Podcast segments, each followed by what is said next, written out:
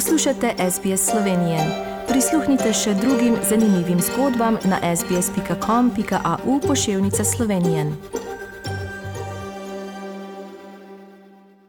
Pot v Tokio se je začela za avstralske paraolimpice, ko se Avstralija pripravlja z najmočnejšo reprezentanco doslej v tujini. 16. paraolimpijske igre se pričnejo ta torek, 24. augusta, in trajajo do nedelje 5. septembra. Več kot 4400 atletov bo tekmovalo iz 160 držav. To prilogo je za SBS News pripravila Michele Siren.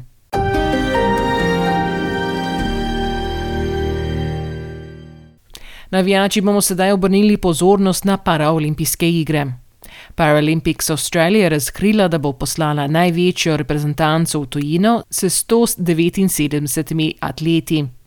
Najmlajši ima 15 let in najstarejši 60 let. Dva atleta bosta tekmovala že na sedmih igrah.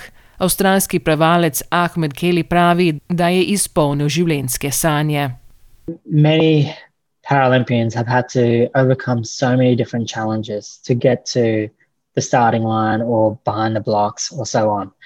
And there, I think for us to get there and the stories that you everybody will hear, it's quite incredible. And the, the sheer determination and the ability to never give up despite having a disability or defi- despite having different challenges along the way to get ready and race your very best. Uh, it's, it's quite incredible. Kelly se bo odeležil že tretjih iger in upa na prvo zlato medaljo. Rodil se je v Bagdadu z nerazvitimi rokami in nogami. Pred 23 leti je bil posvojen in se je preselil v Avstralijo. Eden od petih Avstralcev trenutno živi z invalidnostjo. Paraolimpijske igre so priložnost, da povečamo prepoznavnost in poudarjamo nadarjene osebe. Vodja avstralske delegacije za letošnje igre Tokio 2020, Kate McLaughlin, je za SBS News povedala, da so igre navdih za vse, ki živijo z invalidnostjo. I think it's an amazing platform for people with disabilities in Australia, not just from a sporting sense, um, because it changes the perception of what people with disabilities, you know, look like and are, and how they can contribute to community. So, whilst they are you know, amazing athletes. They just highlight it once every four years when we get an opportunity, uh, you know, in the mainstream for people to appreciate what amazing things they can achieve um, in, in spite of their disability. Jenny Blow se bo tretjič udeležila paralimpijskih iger. It's not even we're taking away that it's it's no longer tokenistic and they're just chucking someone with a disability on TV to to tick that box. No, it's because society has people with disabilities. McLaughlin pravi, da je enoletno zamuda težka za vse tekmovalce.